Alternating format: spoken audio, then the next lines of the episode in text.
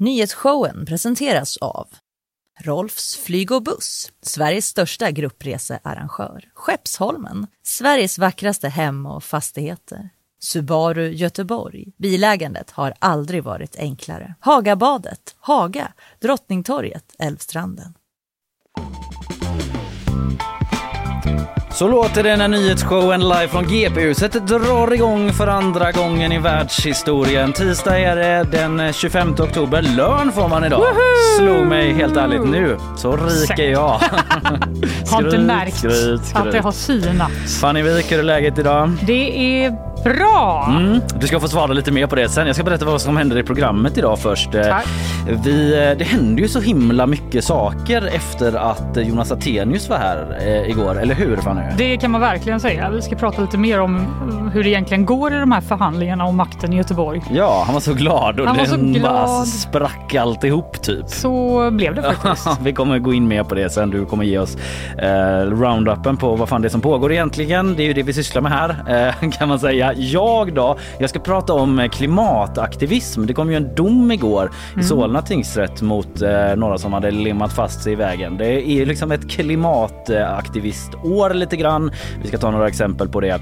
Eh, sen får vi ju en eh, gäst också. Ja. Och eh, det är ju Maja Larsson, författare som precis har blivit eh, Augustprisnominerad. Ja, Hon vilket otroligt. Igår, igår kväll. ja, så en himla fin eh, pressbild där de två göteborgarna hon och Johanna Sanjuro som var nominerade satt på golvet så. På en Nej, matta. Alltid mobbare. Ja det såg väldigt så. Till och med i eh, finrummet. Ja men typ så lite så förskolestämning.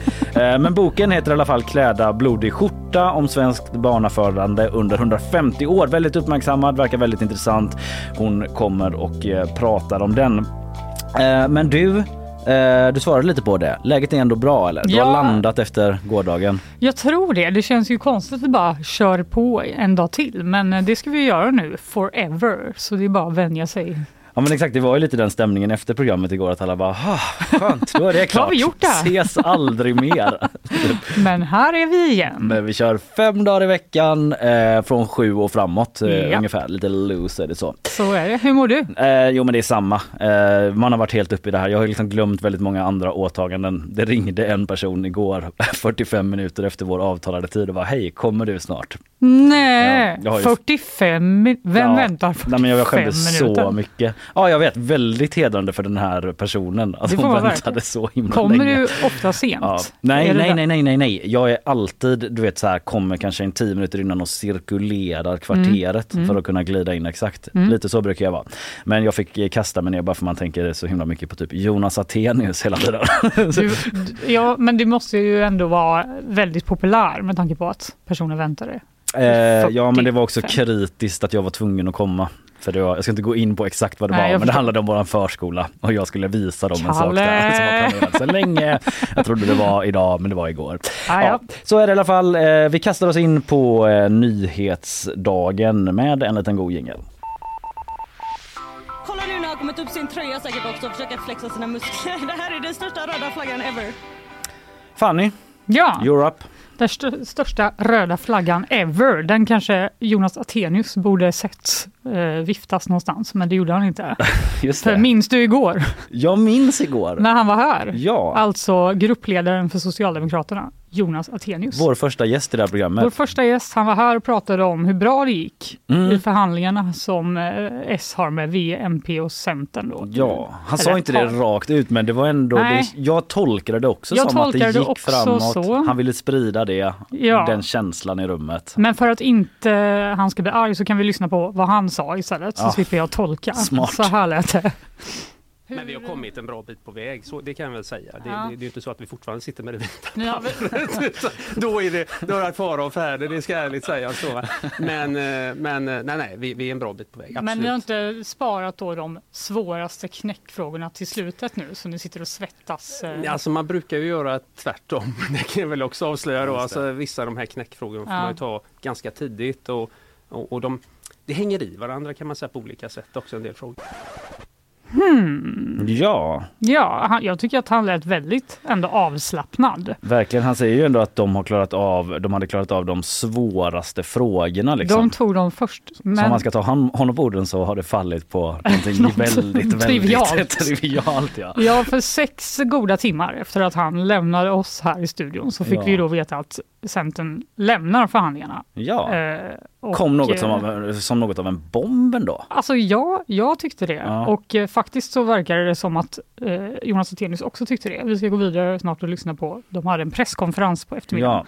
Men bara för att eh, friska upp minnet så är det alltså så att S, V och MP fick 40 eh, av 81 mandat i kommunfullmäktige. Och de har sedan valnatten då förhandlat med Centern för att få till majoritetsstyre. Bra med recap, för fan vad man glömmer ja, hur det funkar i kommunen. Men ja, så är det. Men de är mm. alltså så nära som man bara kan vara att, att vara ja. i majoritet. Men de är inte det och de behövde då Centern för att uh, få igång den här. måste vakna varje morgon och ah, Ja, och han berättade ju... Ish, typ. ja. Exakt, han berättade ju igår att han ringde till uh, Centerns gruppledare Emil Bönfors redan på valnatten och var så här, hallå, är det dags att börja förhandla lite? Ja. Och att han då beskrev henne som öppen och positiv. Det gjorde han också. Ja. Mm. Sen sa han flera gånger att de har haft många konstruktiva samtal i diverse eh, konferensrum med kanelbullar mm. och eh, ja, det lät liksom ändå som att det var på rätt väg. Mm. Men det konstruktiva verkar då vara över nu eh, och som sagt, det förvånade mig, det förvånade dig, det förvånade nog Jonas Attenius också. För att så här sa han till GP igår eftermiddag eh, på presskonferensen som de rödgröna höll då. Vi tycker det är märkligt. Eh, vi har de politiska riktlinjerna i princip klara. Vi har en budget på plats. Och vi fick beskedet här i förmiddags att de nu då väljer att lämna förhandlingarna. Kan du berätta någonting om varför de valde att lämna förhandlingarna? det är svårt. Vi är lite förvånade över det också där, där vi hade kommit så långt i en väldigt konstruktiv anda. Så den frågan får vi faktiskt ställa till Centerpartiet. Ja. Mm. Awkward! Ändå. ja, lite. Vilken konstruktiv anda vi har hörni. Emelie ja, Hade vi inte det? Ja.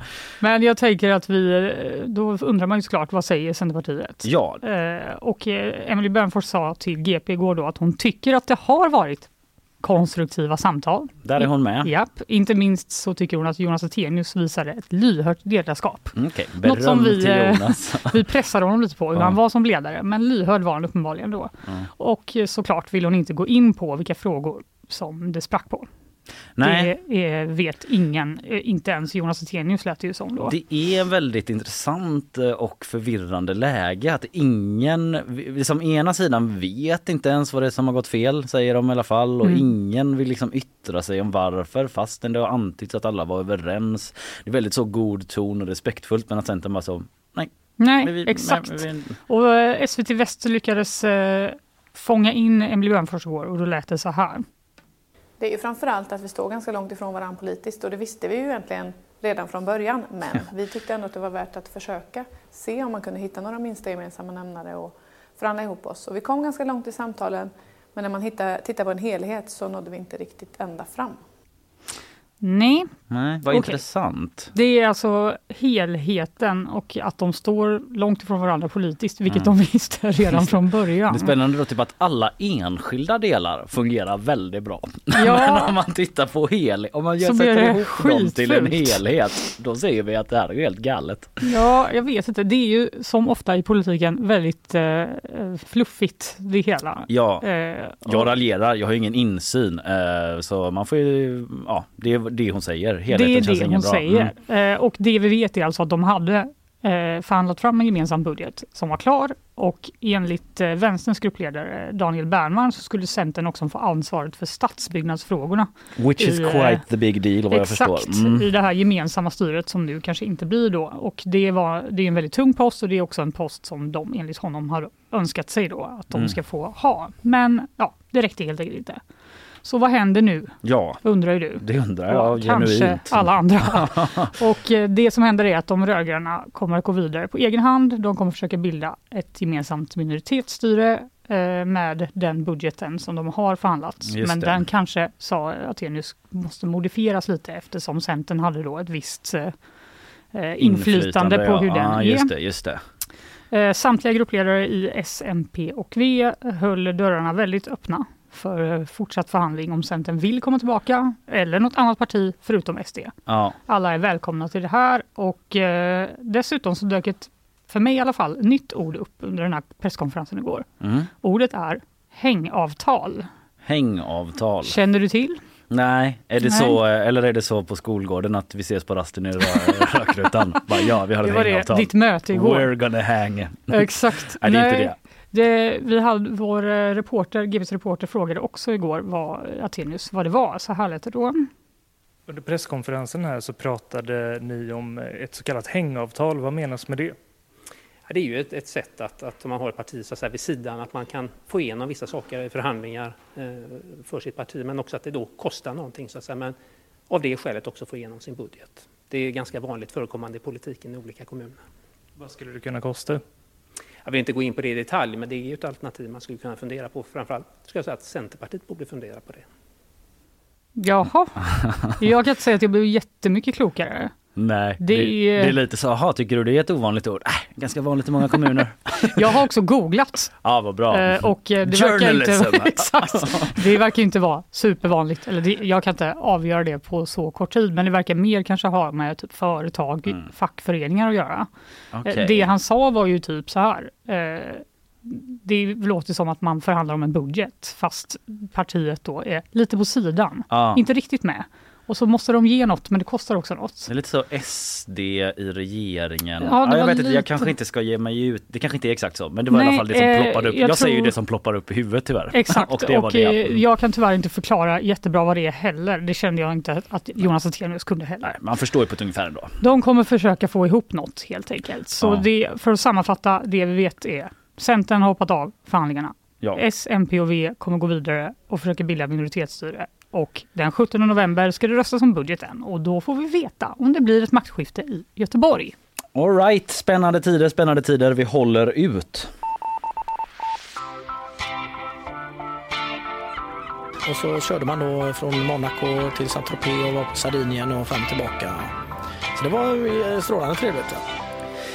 Yes, vi ska snart ha lite reklam. Sen ska jag prata om klimataktivism och vi får gäst senare också. Eh, Maja eh, Larsson, eh, höll jag på att säga Persson bara för att Isabella Persson ska ge oss nyheter snart. Men det är Maja Larsson som kommer att prata om sin Augustpris-nominerade bok. Senare så kommer vi också ha eh, lite andra grejer. Jag ska prata om awkward moments för Rich- Rishi Sunak. Taskigt! Ja, det är en lista som har kommit nu när Solk. han har blivit vald. Men det kommer vi till sen. Eh, nu tar vi som sagt lite reklam.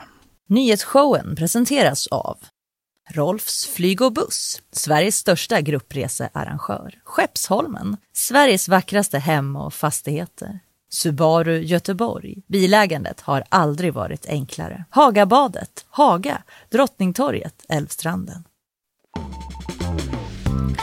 Tillbaka är vi här i nyhetsshowen live från eh, GP-huset. Vi har en underbar person som smygit sig fram på lätta fötter. Oj, oj, oj, Ja. vilken, vilket välkomnande. Ja, eller hur? Du har gått helt normalt ska jag säga. Ja. Jag vet inte varför jag ska ljuga om att du smyger på lätta fötter. Isabella Persson, du eh, ger oss nyheter här varje morgon. Hur eh, har morgonen varit för dig Jo, det har idag? varit bra. Vi, vi börjar ju ganska tidigt. Ja, absolut. Så, nej, känns så morgonrosslig och dan, men eh, jag ska göra mitt bästa för att läsa nyheterna. Ja, nej, men det Det gör du löser du alltid. Vi har fullt förtroende för det. Eh, jag ger dig en liten sånt där ljud och säger varsågod. Tack så mycket. Efter flera veckor av politiskt kaos är det nu klart att Rishi Sunak tar över rollen som premiärminister i Storbritannien. Fler än hälften av alla Tory-ledamöter, 178 stycken, ställde sig bakom Sunaks kampanj. Det kan jämföras med hans motståndare Penny Mordaunt som officiellt samlade ihop 28 nomineringar. Trots att det krävs en lärarlegitimation för att både bli tillsvidareanställd och att få sätta betyg så finns det fortfarande ett 20-tal skolor i Göteborg som har fler obehöriga lärare än behöriga. Det visar en sammanställning som Göteborgs-Posten har gjort. Bland skolorna som sticker ut så har den kommunala skolan, Gärdsåsskolan, bara 37 procent behöriga lärare medan Montessori-skolan, Alexandra i Guldheden, endast har 19 procent. Och alla ministrar i den förra S-regeringen ansöker nu om avgångsersättning. Det rapporterar Expressen. Som mest kan de få en utbetalning på 145 000 kronor i månaden i ett år. Under året är ingen minister skyldig att arbeta och finns det särskilda, särskilda skäl så kan också ersättningen betalas ut ännu längre. Tack för det Isabella. Tack, Obehörig tack. lärare, det har man ju varit. Nej, ja. Vikarie ganska länge på en och samma skola. Så det är väl ja, det, typ, kinda. Fick, fick, du sätta betyg då? Nej det fick jag i och för sig inte. Nej. Så det är inte riktigt samma sak ändå. Mm. Men eh, nästan. Tack Isabella, du eh, ger dig tillbaks eh, in i kulisserna, nej inte in i kulisserna men bakom här och jobba vidare. Ja, det ska jag göra. Och tillbaka med lite fler nyheter om en stund. Ja. Jag ska prata vidare nu om eh, miljöaktivism. Vi tar en liten bumper och kommer i stämning. Den största faran och det är ju den som, det är de som tar min ensamhet ifrån mig. Det är, det är bristen på ensamhet som förtär mig. Vad var det här vi hörde? En jätteung Marcus Birro i något ah. gammalt program. Ja, men jag jobbar lite med det, jag sätter lite stämning med lite olika Göteborgs Vad vill du ha för stämning med den här?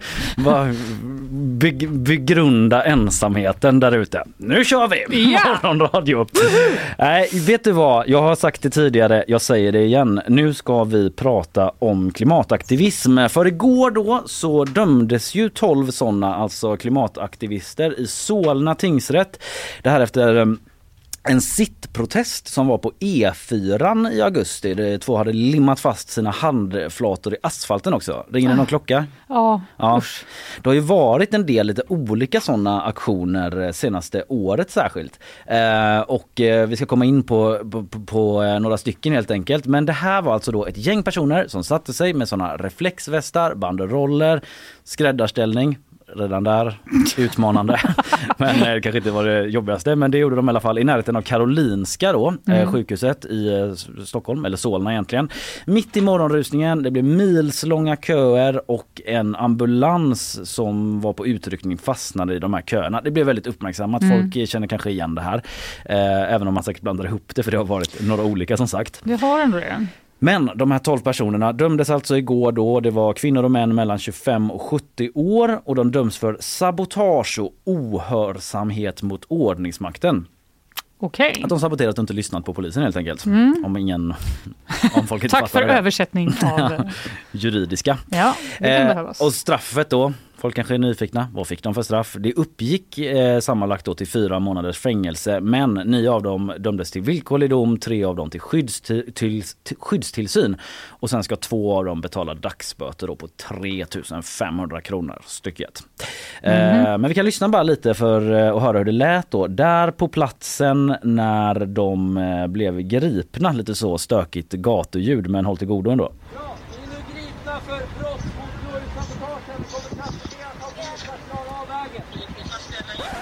Ja, gripna för brott mot blåljussabotage. Blev lite fel var det där, polisen kanske. som skrek? Ja, det var polisen som skrev det han eh, gick fram där. Eh, men ja, vi fattar, det är ändå en stressad situation. det är okej okay, liksom. Eh, vi kan lyssna lite på hur det lät sen då när de försöker forsla bort de här eh, personerna från platsen.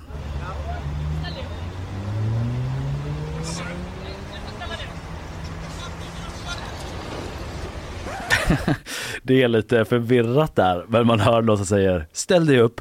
Vad sa du? Vad sa du? Och eh, sen på slutet så reagerade jag på en grej. Att det bara kör förbi någon och ropar så Din fucking luffare! och eh, jag vet inte, det är bara någonting roligt med att en person sitter och känner att de gör så en jätteviktig insats för klimatet ja. medan någon annan tycker att den personen är en fucking, fucking luffare. Ja, eh, så lät det i alla Men det är någon som har suttit, alltså, som åkte förbi en bil på vägen åt andra hållet. Jag tror det, man ser inte den personen. Trött, liksom. Ja, jag tolkar det så. Någon som är fast i den här kön typ. ja. eller kanske åker åt andra hållet och road ser vad som rage. Pågår. Exakt, en klassiskt fall av road rage. Ja. Eh, som eh, då den här klimataktivisten blev måltavla för. Men i alla fall, eh, de är dömda då och eh, en av de här aktivisterna var med i Studio 1 i P1 igår. Mm -hmm. Jag hörde honom prata där eh, och liksom, de gör det här, den här gruppen som heter Återställ våtmarker återkommer till dem snart. Eh, för att folk ska liksom lyssna på deras budskap. De upplever att inget händer i den här frågan och han eh, som var med där säger om fängelse att det är skitsamma i sammanhanget om jag sitter inne ett tag. i förhållande till vad som pågår med klimatet. Det, värt, liksom. det Så säger han, ja precis. Och han hävdat liksom att eh, de har hävdat i förhör tidigare då att de liksom använder nödvärn på grund av den pågående klimatkrisen. Mm. Det är så de formulerade. Mm.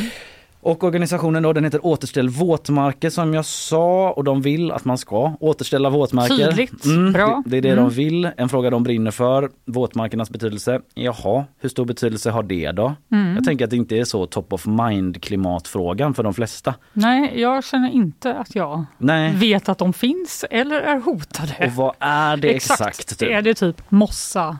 Ja men man tänker kanske mer på typ så kött, olja, bilar, industri. industri. Ja, men det här är det de fokuserar på och eh, ja, jag har lånat ett kort klipp från F SVT eh, som eh, sammanfattar lite vad det handlar om. Faktum är att våtmarkernas betydelse för klimatet faktiskt är en internationellt viktig fråga. Och FNs klimatpanel har slagit fast att återställandet av våtmarkerna är en av de snabbaste klimatåtgärderna vi kan göra. Ja, mm. så det... Känner man sig dum? Ja, men eller hur. Tack så mycket SVT. Dumförklara mig ännu en gång Exakt. med all er kunskap. Nej, men det har stor betydelse för klimatet, de här våtmarkerna och liksom hur, eh, eller avsaknaden av dem snarare. Eh, SVT berättar sen då i det här klippet typ att man redan på 1800-talet började täcka över våtmarker mm. eh, och det var för att folk svalt ihjäl och man behövde mer odlingsmark då. Okay. Men fast forward jättemånga år eh, så visade det sig att det var jättedåligt för klimatet klimatet då, för när man täcker över de här våtmarkerna så uppstår en kemisk reaktion som gör att koldioxid liksom sipprar mm. sakta ut. Mm. Du ser min lilla handrörelse. För alla tittare där ute så visar jag alltså hur det sipprar bara med händerna så. Bra tittarcontent. Skicklig mimare, Kalle Berg. Yep. Eh, nej men eh, så går det till och det liksom förstör atmosfären då då vill man återställa de här eh, våtmarkerna för att minska de här utsläppen. Och grejen är att de allra flesta är överens om att man borde fixa detta. Det är inte bara den här klimataktivistorganisationen som tycker det. Mm. Eh, eh, SRs klimatkorrespondent Marie-Louise Kristola heter hon väl, hon var med i det här samtalet och liksom, hon snackade om att det är inga tunga organisationer som lobbar emot det här och typ Lantbrukarnas riksförbund tycker också det är bra. Man vill göra detta. Problemet är bara att bidragen för att det kostar, det ligger liksom på markägare och så själva att lösa det här. Och då kostar det en massa pengar Aha. och då behöver de bidrag för att göra ja. det. Liksom, det kan man ju fatta. Men då har de dragits tillbaka flera gånger.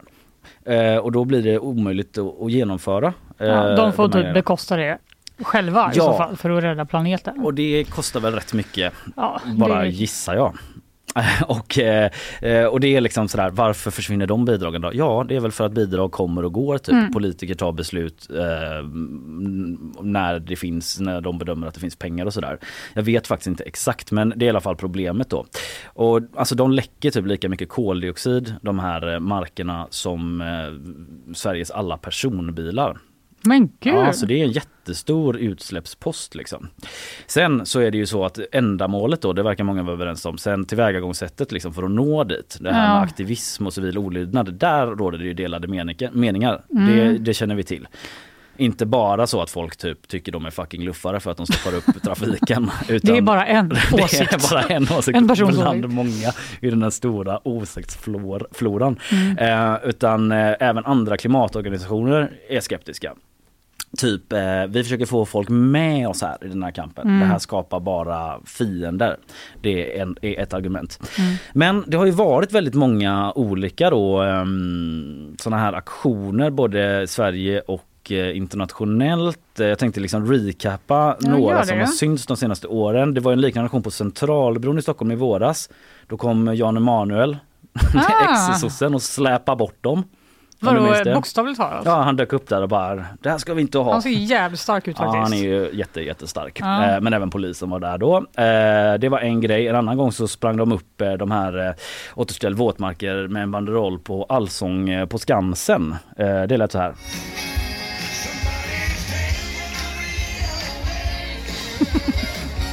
Det framgår ju såklart inte någonting men det är bara skönt att lyssna på Tommy Körberg. Det var väldigt trevlig stämning. Ja, men de sprang upp där bredvid Tommy som inte fattar någonting såklart och håller upp en sån skylt. Eh, det var en sån uppmärksammad grej de gjorde. De eh, dök även upp i sändningen för SVT-programmet Sverige möts. Mm. Det här debattprogrammet. Mm. som var i eh, Almedalen då och då lät det så här. Här, här händer det grejer. Ja, det är spännande. Vi får se om vi kan fortsätta. Det är någon som jag tror ska limma fast sig på golvet här. Ja, vi, vi provar att fortsätta, Per-Arne Karlsson. Eh, nej, men jag, vi eh, försöker ju på, på snabbast möjliga sätt att ställa om vårt raffinaderi från... Ja det låter ju eh, ganska roligt. Men... Vilken pro-programledare bara. Ja. Ja. det verkar vara någon som håller på att limma fast sig själv här, men vi fortsätter. Väldigt spännande beslut att bara fortsätta sända också när någon verkligen så limmar fast sig en halv meter från där man är. Jag tänker liksom att om eh, Maja Larsson limmar fast sig här, då kanske vi måste fråga varför sen i alla fall. Jag vill prata mer om min bok. Jag är limmad. ja, våran gäst som kommer sen alltså för de som missat det. Ja, Ja. nej, men i alla fall, eh, det är också roligt, eh, eller roligt, men det är någonting med att de, jag vet inte hur bra det här limmet är, eller det hinner inte fästa för de, rycker bort honom ganska snabbt. Ah. Ser framför mig att han har sprungit in med ett sånt limstift i skolan, du vet, Ja, skruvat det. upp så jättesnabbt. Helt torkat. Ja, han bara fuck. Ja, det var en annan. Eh, Det har varit några grejer i Sverige, men det har också varit flera internationella och i eh, sådana här aktioner eh, och nu i söndags så klabbade man potatismos på, på Claude Monets tavla Höstackar. Han har gjort jättemånga tavlor av Höstackar men det här är en av dem vad jag förstår. Säkert. Ja men den, det är inte vilken tavla som helst liksom. Den såldes för 1,2 miljarder 2019. Han är ju ändå well known. Mm, one of the great artists. Det får man säga. Monet. Ja, men, Men, potatismos, alltså det är ju inte hur... Det är ju ganska fast. Ja, Ursäkta. men jag tror de hade liksom jobbat på ganska bra med mjölk i det. Så att det, det ändå var ganska Det spett. gick att typ. Kasta. Ja, det, det, det, det såg visuellt bra ut. Ö- ö- Liksom, oavsett vad man De har tycker om stått själva där och laborerat Mm. länge för att Ja, få den bästa på parkeringsplatsen så, vispa mos. typ. Lite mer mjölk, ja, tack. har mer mjölk? Jag får springa och köpa. Ja, men det var sista generationen kallas den gruppen på svenska. Så Mhm. tagit på sig det här och liksom var så här, eh, konst kommer inte vara värt något eh, i framtiden om man måste slåss mot varann eh, på grund av klimatkrisen. Mm, okej. Och eh, för en vecka sedan drygt så var det två aktivister som hällde tomatsoppa ju på en van Gogh. Ja, Det minns du kanske? det minns jag. Det känns lite mer aggressivt eftersom det inte går att få bort eh, tomatfläckar. Ja, det är den här röda aggressiva färgen också. Men det visade sig att det satt ett eh, glasskydd framför ju tavlan. Och det visste de om har de sagt så här. Vi skulle Ja. aldrig göra det annars. Men eh, de gjorde det för att liksom eh, ställa frågan vad är mest värt konst eller livet? Jag har lite klipp på det faktiskt när de smätter upp sina händer där för de limmar fast sig också i väggen.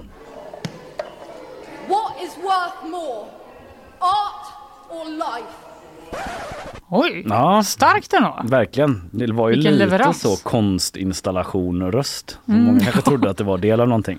Men det gjorde de i alla fall och eh, ett sista exempel då liksom är bara tidigare i oktober så synkade flera aktivister en sån mjölkuthällning. Att man ställde sig på typ Harrods och andra fina sådana köpcentrum och hällde ut mjölk. Mhm. För att eh, man vill ha en sån eh, plant-based future. Att man ska hjälpa jordbrukare att ställa om från typ köttproduktion Mhm. till att eh, ja, odla mer hållbara grejer och sådär. Så sammanfattningsvis, det jag försöker säga är att vi har fått en dom i Sverige nu, 12 aktivister eh, i ett liksom fenomen som verkar bli allt mer vanligt både i Sverige och eh, internationellt. Det har ju alltid funnits aktivism, det fattar jag med. Men vi får väl ändå se vad, eh, ja, vart det bär Mm. eh, framåt här i tiden. Tankar? Eh, alltså de lyckas ju med något. Ja, de bra. Man får, Våtmarker är nu på min radar. ja, nu vet man vad det är, eller hur? Eh, vi går vidare. Är det Frölunda eller? Ja. Ja, Nya loggan, vad tycker du? den är skitsliten. Yes, eh, snart får vi gäst in i studion. Maja Larsson, färsk Augustprisnominerad person. Otroligt. ja. Eh, Kläda blodig skjorta heter hennes bok Svenskt barnafödande under 150 år. Vi ska snacka om den om en liten stund. Eh, Men innan vi gör det ska vi lyssna till lite meddelanden från våra sponsorer. Nyhetsshowen presenteras av Rolfs flyg och buss, Sveriges största gruppresearrangör. Skeppsholmen, Sveriges vackraste hem och fastigheter. Subaru Göteborg. Bilägandet har aldrig varit enklare. Hagabadet, Haga, Drottningtorget, Älvstranden. Yes, eh, Maja Larsson är i studion. Eh, vi eh, låter henne sätta på sig mikrofonen här så är vi tillbaka om några sekunder bara. Eller vad? Jo, vi gör så. Vi har tittat på Karl. Vi tar lite kaffe, samlar oss några sekunder bara. Så vi tar ett andetag. Ja, sådär ja, vi är tillbaka. Vi har fått in dagens gäst i studion. Vi ska snacka svensk förlossningsvård. Maja Larsson, aktuell med boken Kläda blodig skjorta. Svenskt barnafödande under, under 100, 150 år. Varför var det så himla svårt att säga? Det är inte så svårt att säga. Välkommen Maja Larsson! Tack, tack. Välkommen! Tack! Hur känns det att vara Augustnominerad? Är du bakis? Jag är inte bakis. Jag satt på tåg hela kvällen Nej. igår eh, utan ja, en öl dracks. Men, det hoppas jag. Ja, ja och eh, ja, lite bubbla. Men, nej, men jag är så glad. Det, ja. det, um, du förstår jag. jag Bästa vetat... fackbok ja. kan du alltså. Mm kamma hem. Du har vetat om det ett tag? Jag har vetat en vecka. Ah, ja, okay. Men, mm. det, men det, det, är ju en så himla annan grej att veta någonting själv och att liksom få berätta det för andra människor. Att ja, liksom få fira det ihop mm. med folk. Så gick du runt och bara, hur ska jag annonsa det här um, till världen? Ja men nej, nej. Du fick hjälp av ett pressmeddelande från ja. typ Sveriges samlade kulturmediajournalister. Men du, den har ju inte ens eh, varit ute i typ mer än tio dagar din bok. Nej. Hyfsad start. Mm. Ja. Känns det omtumlande typ? Det är, för det är ju din eh, debut också. Ja. ja. Men jag tyckte det var liksom Nyhetsmorgon ringde för mm. eh, några, två veckor sedan och så här, men vi vill gärna boka in det på releasedagen. Och då tyckte jag det här, det här är det största. Ja. Det här är det största. Sen ringde Var vi. Det här är Sen, Nej men Nyhetsmorgon blev också inställt så det här är ju ändå, eh, okay. nu är det den största nivån här. Ja. Nej men och sen eh, Ja, så hände det här. Eh, nu är det det största. Ja. Helt otroligt. Ja. Mm. Bara innan vi ska prata om boken självklart, mm. men eh, det var lite roligt ändå att det var ju två göteborgare som Johanna Sanioro och du som mm. nominerades. Och båda på det här fotot fick sitta på golvet på fotot. Jag såg att du själv typ skojade lite om det på Instagram. Ja. Beskriv. Ja men vi skulle ju sitta där allihopa, mm. vad kan vi ha varit, 20 pers eller något sånt. Mm. Och så sa den här fotografen från eh, August, han ja men vissa måste sitta på golvet. Ja men vissa menar jag göteborgarna. Nej men då sa Johannes, han är ju så lång också. Ja, eh, så det kändes inte helt solklart att han skulle sitta där. Men den här fotografen han tog liksom inte lid på detta. Utan han sa bara, vissa måste sitta på golvet. Och så sa Johannes, ja men då, då jag, kan, jag kan väl sitta på golvet. Och så satte han sig som skräddare liksom som ett litet barn. Så ja, jag sätter mig också på golvet. Solidariteten. ja men jag hade också ljusast kläder av alla. Mm. Så man liksom, man ser mig där. Ja. Så det kanske var, det kanske var bra. Det bra, bra ställe att sitta. Du hade skrivit ja. själv att du liksom satt där med ett litet påskpyssel. Ja men det, såg, det, det ser ju ut så på bilden. För det var någon liten bukett hade Det fått är liksom själva nomineringen. I ett ja. hoprullat papper så stuck jag i en sån gerbera. Det ser ju väldigt, det ser lite förskola ut så. Ja. Men, eh, ja. men det var en härlig bild. Lite, det var väl värt det. jag tycker det var absolut värt det. Ja. Det står ju i juryns eh, nominerings... Eh, vad heter det? Mot motivering. motivering. Det var motivation. Bra. Eh, bland annat, står det, med stöd av rikliga, ibland nästan plågsamt detaljerade exempel ur skriftliga källor skapar Larsson ett både rörande och upprörande läsupplevelse. Ja, vad säger du om plågsamt detaljerade exempel?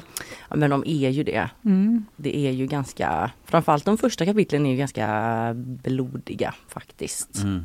Men jag har ju verkligen velat komma väldigt nära eh, ja, men att beskriva det så, him så detaljerat som det bara går. Mm. Man ska få känslan att man kommer in i ett förlossningsrum på 1800-talet. Ja, för det är ju över en period av 150 år då som du tar dig igenom och för att komma nära det när det är så långt bak i tiden, liksom, hur har du gjort för att hitta den typen av vittnesmål eller skildringar överhuvudtaget? Ja, alltså jag har ju använt till väldigt stor del eh, Svenska barnmorskeförbundets tidning Jordemodern som har getts ut sedan 1888. Oj. Eh, eh, du har läst varje, varje nummer. Hur många wow. är det? Ja, men den har kommit ut varje månad då sedan 1888. Så Och fortfarande? You do the math, ja. Och typ oh gjort jag alla korsord, sudoku. Exakt, jag har skickat in lösningar på allt. Nej, men, det, du ehm, vinner en sån som man typ tjänar mjölk i. För det var på 1800-talet. Ja men det är ju där de äldsta berättelserna finns. Sen när 1900-talet kommer så ja, då, då dyker det upp lite andra källor också. Mm. Men eh, där, det är ju barnmorskor som skriver då att kvinnor skulle skriva själva om sin förlossning på 1800-talet. Det är helt eh, mm. uteslutet. Ja, ja, ja, det finns det. nästan inte. Det är inte det perspektivet. Nej. Men eh, jag tänker också på innan vi kommer för djupt in i din research, mm. titeln. Ja. Kan du inte berätta om den? Jo men då är det 1909 då, håller jag boken i min hand, jag vet inte var kameran är men skit i Överallt. Ja. Eh, då är det Sveriges mest kända barnmorska säger, skriver så här i jordemorden att kvinnor har ju i alla tider haft den plikten att i verklig mening kläda blodig skjorta. Icke blott för släktets utan även för samhällets bestånd skulle jag tro. Och så lägger hon också till att eh, om hon får gissa så tror hon att fler kvinnor har dött i den strid vi kallar barnsbörd än vad män har dött på de krigiska slagfälten. Mm. Eh, och det är ju sant. Ja. Ja. Eh, än idag. Och jag bara fastnade för det här kläda blodskjorta. Jag tycker det är liksom ett uttryck som betyder att man Det kan ju både vara att strida för sitt fosterland så här, Mm. men också att eh, utgjuta sitt blod för någon. Och jag tycker hela den här utvecklingen är ju, eller de här 150 åren är så fulla av människor som har eh, offrat sig, kanske fel ord, men eh, de har slitit. Mm. De har mm, genomgått ganska hemska saker Mm. och eh, kämpat för en eh, utveckling som varit helt sagolik faktiskt. Ja, vi ska väl ta oss framåt genom den utvecklingen men eh, Alltså idén till att göra detta, ta dig an det här projektet. Hur uppstod den hos dig?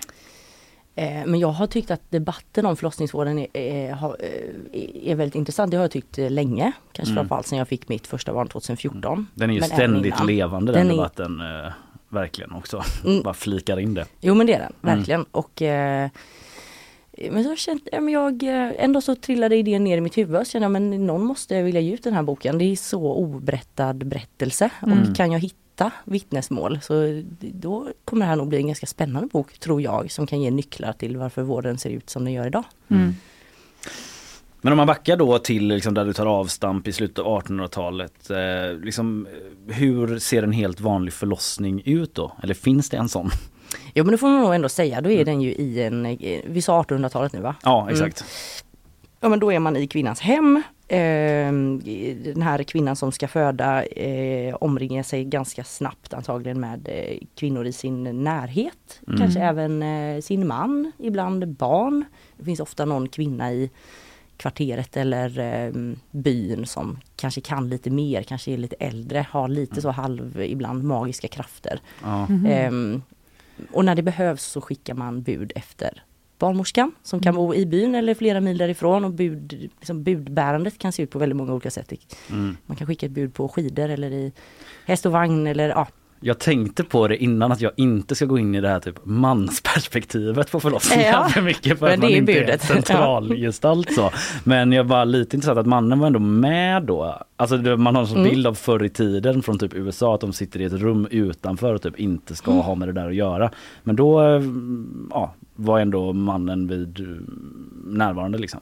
Ja, och jag tror också man får komma ihåg att väldigt många svenskar bodde väldigt litet. Ja just det. Alltså har man bara Ett eh, hus. Jag med mina moderna privilegier. En Du hade tröj- gått in i köket bara, vi ses sen. Ja. Ute i ladugården och suttit där. Ja. Nej men också så eh, barnmorskehandboken sa ungefär så här att eh, kvinnans eh, man får gärna vara med om han är snäll och kvinnan litar på henne. Och sen ska det vara en barnmorska och sen behövs egentligen ingen mer. Men det verkar varit ganska vanligt att man var Ja. många. Mm. Men sen fick de kriga dit i häst och vagn och, och, dundra in i det här eh, ganska lilla hemmet. Ja, ja det fanns ju stora hem också. Men Ja. liksom min, min eh, berättelserna som jag samlat de handlar ganska mycket om man ska säga, allmogen. Ja, vanligt ja, folk. Vanligt folk ja. Men de här Eh. barnmorskorna som dyker upp då, eh, liksom, vad är det för karaktär på dem? Jag menar om de ska typ köra ut folk och så, det känns, som ett ganska barskt gäng typ. Eller Men de ska, de ska vara barska. Ja. De ska, eller inte, inte kanske barska men de ska vara tydliga och de ska vara rutinerade och de ska vara otroligt rena och de ska vara Mm. eh, De ska liksom se prydliga och trevliga och bra ut och de ska, alltså det är ganska höga krav på en eh, barnmorska vid den här tiden. Det är en, en, väldigt, en av väldigt få yrkesutbildningar för eh, kvinnor som finns. Men hur, det gick ändå ganska bra ga- många gånger Mm. trots att det, det känns ju väldigt eh, osannolikt idag att någon bara skulle liksom, föda hemma utan någon eh, medicinsk hjälp eller vad man ska säga. Ja. Eh, vad finns det för dokumentation på det? Liksom? Vet vi hur ofta det inte gick bra? Ja, det finns ju siffror som jag inte kan rakt i huvudet. Nej, men till exempel spädbarnsdödligheten Mm. eh, var ju typ 10% i slutet av 1800-talet. Det är Mm. ändå Mm. vart hundrade barn men då hade den halverats under 1800-talet. Mm. För att barnmorskorna till exempel visste hur de skulle vända barnen och de visste hur man skulle ta hand om dem direkt efteråt. Hur man kunde mm. uppliva barn som var, liksom, inte mådde så bra när de föddes. Och, eh, så. Men det sker ett skifte sen då liksom när man börjar föda på sjukhus. Mm. Vad eh, är det som händer då? Varför sker det? Ja, det eh, sker ehm, liksom successivt. Det har ju funnits sjukhus eller förlossningsavdelningar sedan 1700-talet, även här i Göteborg faktiskt. Mm. Men, är det eh, där uppe vid Linnéplatsen typ? Ja, det, det där är från, jag tror att det är från år 1900 eller precis där Ah, omkring. okej. Jag minns inte heller den siffran exakt i huvudet. Men det gamla har funnits- journalistprogrammet och exakt, globala precis. studier. och sånt. Exakt. Skitsamma. Nej men Mm. det, det första Sahlgrenska sjukhuset hade liksom två platser för eh, barnaföderskor. Det låg eh, Nordstan typ. Ja just det. Annars får man säga du får flytta till ett annat sjukhus. Ja. Häst och vagn till Stockholm. Nej men det var, det var liksom för de allra fattigaste, de som inte kunde föda hemma, Ja. de som behövde ge bort, Mhm. liksom, eh, lämna bort sina barn. Ja, ja, ja, efter- Istället för okej. att de skulle döda dem i princip. Det är en ganska hemsk historia. Ja verkligen. Ja, men varför börjar kvinnor föda på sjukhus? Jo men de, sjukhusen blir mycket finare. De, de kan erbjuda så här, eh, el, rinnande vatten, eh, en ren säng, mat, eh, behandlingar som inte går att lösa hemma. Man behöver liksom nosa på detta med kejsarsnitt till exempel. Mhm. Eh, Behandlingar för havandeskapsförgiftning. Och, Mhm. Så det blir så modernt att föda på sjukhus. Och de sjukhusen som byggs där i början av 1900-talet blir jättepopulära. De fylls snabbt. Det är en tydlig önskan från storstadskvinnorna Mm. att Är det gratis då? Ehm, nej, det, det kan vara gratis. Det är Ja. gratis på vissa ställen. Men ofta kan man också betala lite extra för att få narkos till exempel. man Ah, kan ju få okej. smärtlindring då. Mhm. Kostar extra. Eller att få bo i ett eget rum kostar extra och sådär. Mm. När är vi nu i tid? Sa du Ja det? men nu är vi i början av 1900-talet. Ja. så här 1900, 1900. Det blir gratis på, på ehm, 30-tal, slutet av 30-talet. All Innan right. det så kan det kosta pengar. Men visst var Sverige lite världsunikt i det här? Mm. Eh, hur kommer det sig? Ja, men jag, det, det, alltså att man började ha barnmorskor överallt Ja. var jätterevolutionerande. Sverige Istället för att bara familj, alltså byns eh, Ja. kloka Ja, precis. eh, hjälpte till. Mm. Man fattar jättetidigt att det spelar roll. att Mm. ha. Men hur gick det till då när man födde på sjukhus? Det var ju inte som idag antar jag. Nej, det var ju väldigt mycket rutiner kring förlossningen. Alla skulle rakas då. och Alla skulle få lavemang och alla skulle tvättas väldigt noga. Och alla skulle upp Rakas? Ja, alltså så- topp till tå typ? Nej, alltså Utan mitten? underlivet Ja, så att säga. Ja, det skulle, man, ja, men man skulle liksom... Mitten som jag brukar kalla det. Ja, inte, inte, ens, inte ens framstjärten utan bara Världens mitten. frydaste person. Ja, men man, det fanns liksom en tro att kvinnor var så smutsiga. Man hade ju precis börjat nosa på detta med hygien. Liksom, Ja. Vad är hygien? Eh, Okej så man liksom, teorin var att vi tar bort det håret där Ja. på mitten. Ja. Fattar ni vad jag menar när jag säger mitten? Alla doktorkollegor. Eh, för att eh, ja. man trodde det skulle vara infektioner för det var smutsigt typ. Ja, Okej. exakt. Man var väldigt rädd för det. Man hade ju inte heller någon, någonting att, om det skulle bli en infektion så hade man ju inte bota det med. Man hade ingen antibiotika, man hade ju blodiglar. Mm. Liksom. Ja just det. Och nosar på kejsarsnitt också. Du sa det förut, ja, man ja, men man har börjat fatta ungefär hur man ska. Nej men och sen så ska ju alla kvinnor ligga ner i en säng, man föder ofta flera i samma sal. Mm. Eh, direkt efter förlossningen så ska barnet liksom spolas av i, i princip kallvatten, Ja. lindas in och så visas det som ett paket för sin mamma kanske. Och så. Där i början så får ju ändå barnet sova i samma eh, rum som sin mamma. Men eh, det finns ju berättelser om extremt strikta scheman för när barnen får äta Mm. till exempel. Och att kvinnor som eh, ammade sina barn på liksom en tid när de inte fick, typ du ska amma klockan 12 och klockan 4 och så ammade de klockan 2. Då kunde de bli straffade att barnet fick ligga i badrummet och skrika. Ja, Det är hemska Ja, berättelser. det är helt. Mm. Det går ju inte nästan inte att förstå Nej, och att det- det... här hände när vården kickade in.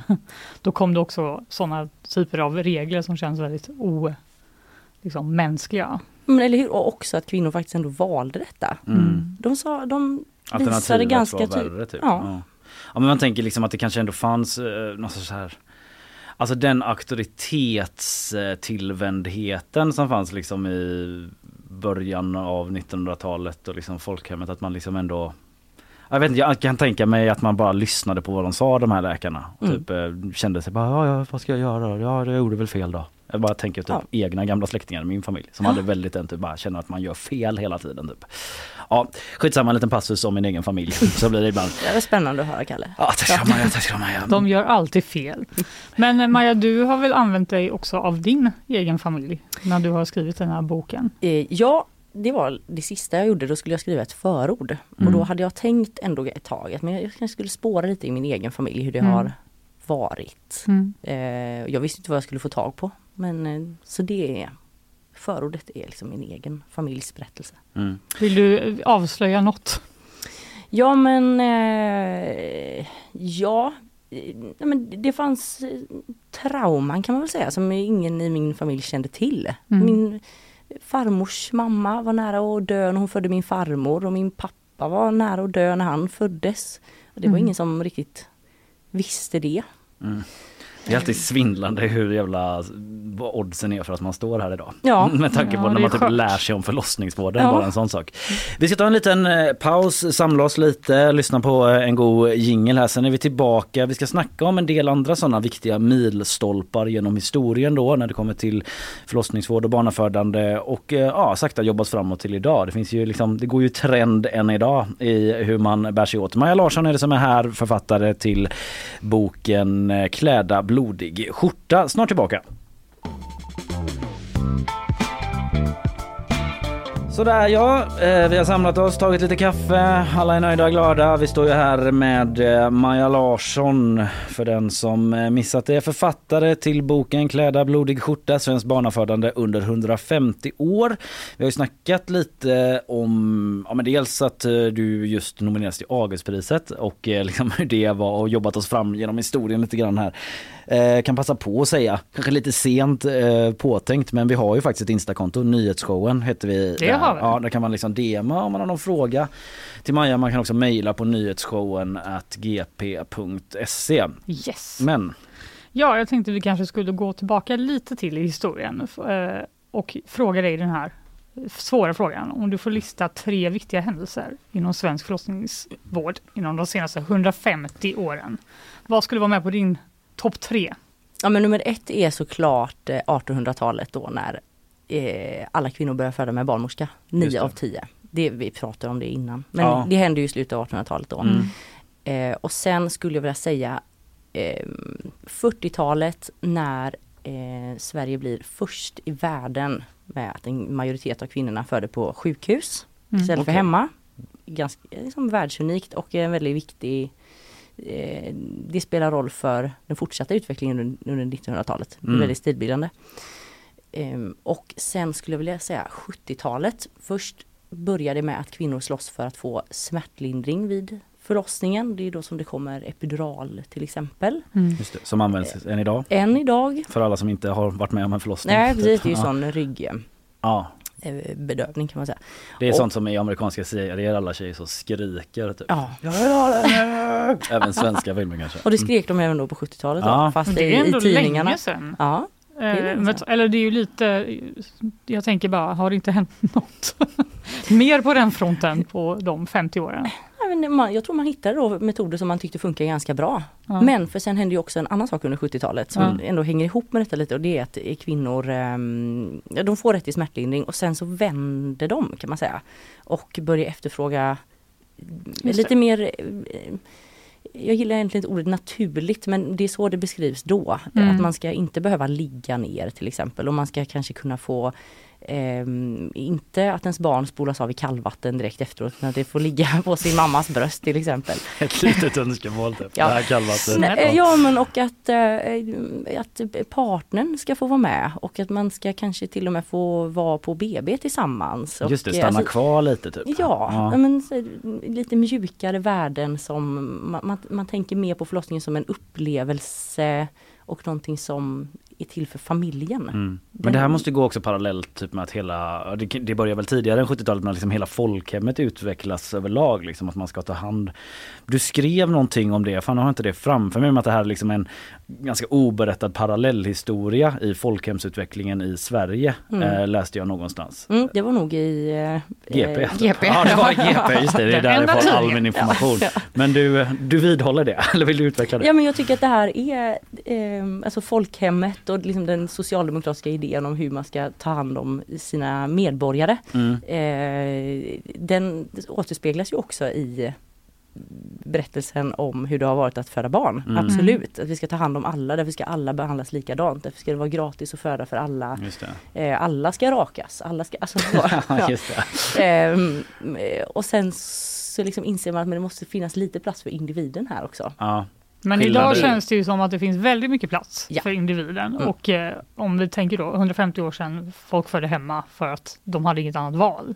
Men det är ju en trend som går ganska hårt igen nu, att folk vill ha hemmafödsel eller har väldigt mycket egna önskemål om sina eh, förlossningar och ta med sig kanske en dola eller vill föda i vatten eller vad det nu kan vara. Eh, vad tycker du om det? Vad tycker jag om det? Vad tycker du om ja, det? Jag, jag har ingen åsikt om det så, men däremot så kan jag ju tycka att det är ganska naturlig utveckling mm. att eh, ja, säkra, alltså det, eh, det är säkrare än någonsin att föda barn i Sverige. Mm. Eh, och eh, då och vi kan liksom lita på att samhället kommer ta hand om oss på något sätt. Då kan vi också unna oss att tänka på vår egen upplevelse. Samhället har också sagt åt oss att göra det. Mm. De patientlag som säger du har rätt att styra över din egen vård och behandling. Eh, vi uppmuntras att ta med oss förlossningsbrev. Vi kan välja sjukhus eh, i Stockholm som liksom, ni vet ju själva, allt som händer i Stockholm liksom spiller över till resten av landet fastän ja. vi inte har samma situation här. Men jag läste, eh, det var faktiskt inte i GP då utan i Filter när du var med där, eh, när jag läste lite inför att du hade själv något typ önskemål vid din förlossning mm. och att då hade du, då hade, ja du fick en reaktion då. Ja, ja men jag sa så, det var mitt andra barn, så ja, men jag vill gärna ta emot honom själv och Eh, ja, jag hade massa idéer och sa ah, mm, en, en Kim Kardashian förlossning. okay. Men när du har läst de här barnmorskerapporterna, mm. Eh, kan du liksom tyda ut hur barnmorskorna ser på den här trenden? Ja men jag tror att eh, barnmorskorna generellt gissar jag, i alla fall många barnmorskor är nog glada för den här utvecklingen för det sätter ju barnmorskans kompetens mm. i fokus hennes, eh, eller hans, det finns ju manliga barnmorskor också, men barnmorskornas eh, liksom, kunskap om det normala födandet och Just det. Eh, mm. det är ju det som detta handlar om. Det handlar inte alls om en narkosläkare som ska komma in med epidural eller en liksom, Nej. så. Nej, det är väldigt mycket det här sociala, alltså typ hur man möter människor och så, som de är så jävla bra på. Mm. Eh, eh är min erfarenhet av att eh, ha, ha två barn. Men eh, eh jag tänker också liksom, för man har ju det här typ förlossningsbrev är ju en grej där man nu för tiden då kan liksom skicka önskemål och det är någonting som är så roligt också, man gör så här, folk gör så playlists och jag har en bekant som pappa då som liksom var helt frånvarande hela förlossningen för att han liksom satt där och liksom mixade sina låtar. Så, att det var. Wap, wap. Du vet, bara, Kom nej, igen nej. älskling! Okej, hur, långt, hur långt var det öppet sa ni? För då är det dags för Jens Lekman ju. Hade jag tänkt då. Så här, nu, nämner, nu kommer huvudet här. Swedish House Mafia. Uh, nej men jag vet inte. Det är väl jättehärligt att folk får göra som de vill. Men det är verkligen att folk typ flyttar in uh, ibland. Mm. Ja, vad, vad jag har för fråga på det. Um, Nej, men jag, jo, men, jag tänker bara Tack. lite att eh, det, vi pratar ju jättemycket om förlossningskris fortfarande. Mm. Eh, för, har det varit någon tid under de här 150 åren där man inte har gjort det? Eller har det liksom varit en pågående eh? Ja, alltså första gången som begreppet kris i förlossningsvården nämns, som jag har hittat, det är 1944. Mm. Eh, då säger man att det, då har det varit eh, befolkningskris och eh, som ett sätt att få fler barn att födas, alltså, ni vet det, det föddes rekordfå barn 1935 och man tillsatte en kommission som skulle få fler födda barn i Sverige och att bygga ut förlossningsvården och göra den bra var mm. liksom ett sätt att man tänkte att men då kommer kvinnor föda fler barn och det gjorde de också. Men det var också världskrig däremellan så man hann inte riktigt bygga ut vården ordentligt. Då. Mm. Ja. Eh, så då var det kris och sen har ju det återkommit. Det handlar ju nästan alltid om att det är för få barnmorskor men det handlar också om andra nya önskemål. Mm. Alltså idag det handlar ju om eh, barnmorskebrist men i Stockholm till exempel handlar det också om eh, att man inte får föda där man vill, var femte blir hänvisad till ett annat sjukhus och så. Mm. Än vad de hade valt. Ehm, men din fråga var om det har varit någon tid när det inte har varit. Jag uppfattar att 80-talet inte var så superkrisigt. Nej. Nej. Då Okej. uppfattade jag att det fanns ganska många kliniker och att eh, Okej. eh, det fanns en ehm, man hade liksom en inställning att vi ska tillmötes, till, tillmötesgå alla era önskemål. Ja. Typ. Eh, och det blev också möjligt att välja klinik i hela Sverige så man åkte kors och tvärs över landet för att föda där man ville och sådär. Just det. Ja, den här boken i alla fall, den är som sagt Augustpris nominerad nu då. Bästa fackbok, Klädda blodig skjorta heter den. Svensk barnafödande under 150 år. Vad ska du göra resten av dagen? Ja, Jag jobbar. Du jobbar, du jobbar på. Maja Larsson, tusen tack för att du kom hit, författare till den här eh, boken. Tack för att jag fick komma. Tack.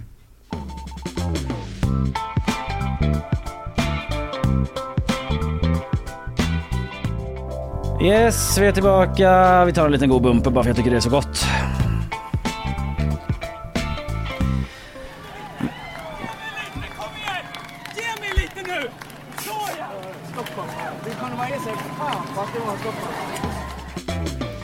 Yes, nyhetsshowen live från GP-huset. Om en liten stund så ska vi in i bakvagnen. Ja, låter alltid lite sådär men vi kallar det så tills vidare i alla fall det här Så sista momentet där vi går igenom eh, dygnets eh, senaste nyhetshändelser. Och så där innan det så vill jag säga hallå Isabella Persson. Tjena. Hur står det till? Du ska läsa nyheter för oss här snart. Ja, jag tänkte det. Mm. Det är bra. Hur Mm. är det med er? Jo då, det är bra. Det rullar på. Det rullar igång. på. Det rullar Det börjar bli lite varmt här inne i studion som Ja. vanligt men eh, det ska vi inte tråka ut lyssnarna med. Nej. Vi eh, säger varsågod eh, till dig helt enkelt Isabella. Tack så mycket. Vi börjar i Malmö där flera bilar i natt brunnit på olika platser i stan. Polisen misstänker att bränderna är anlagda och över 20 bilar har skadats. Efter eh, flera veckor av politiskt kaos är det nu klart att Rishi Sunak tar över rollen som premiärminister i Storbritannien. Fler än hälften av alla Tory-ledamöter, 178 stycken, ställde sig bakom Sunaks kampanj. Det kan jämföras med hans motståndare Penny Mordaunt som officiellt samlade ihop 28 nomineringar. Trots att det krävs en eh, lärarlegitimation för att både bli tillsvidareanställd och att få sätta betyg så finns det fortfarande ett 20-tal skolor i Göteborg som har fler obehöriga lärare än behöriga. Det visar en sammanställning som Göteborgs-Posten gjort. Bland skolorna som sticker ut så har den kommunala skolan Gärdsåsskolan bara 37 procent behöriga lärare och Montessori-skolan Alexandra i Guldheden endast 19 procent. alla ministrar, jag fortsätter, alla ministrar i den förra S-regeringen ansöker om avgångsersättning. Det rapporterar Expressen. Som mest kan de få en utbetalning på 145 000 kronor i månaden i ett år. Under året är ingen minister skyldig att arbeta och finns det särskilda skäl så kan också ersättning betalas ut längre. Tack Isabella. My bad. Ja, jag var inte trött på dig. Jag bara... du signalerade så tydligt och bra som vi kommit överens om men ändå var jag så på boom nu är det Ja. slut. Det var det inte.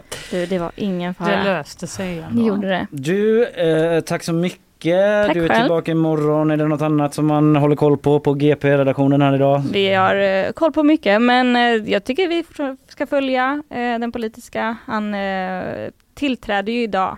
Rishi Sunak. Exakt. Ja. Så det kommer, det kommer vara lite tal och se vad som händer där och så självklart lite såna uppföljning i den här som ni pratade om tidigare politiken i Göteborg, vad som händer där också. självklart. Där är ju folk som iglar för att reda ut vad fan som händer nu. Ja. Ja. det får man följa på gp.se. Vi går vidare här. Vi har ju också lite, också eh, Rishi Sunaks pinsamma lista. Ja, ska du roasta honom eller? Nej det ska jag inte men jag ska rapportera om lite grejer som har hänt honom. Och så har vi ju lite andra grejer, vrak Ja. som har hittats. Solförmörkelse. Ja just det, bara en sån Håkan sak. Hellström. Håkan Hellström ja. Mm, Ja, ja, ja, Ni får höra ja. det här alldeles, snart, eh, alldeles strax. Eh, Just det, så kom ihåg att säga att innan vi pratar om det så ska vi lyssna på lite reklam. Här kommer den.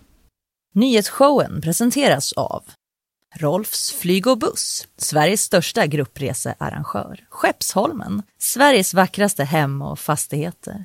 Subaru Göteborg. Bilägandet har aldrig varit enklare. Hagabadet, Haga, Drottningtorget, Älvstranden.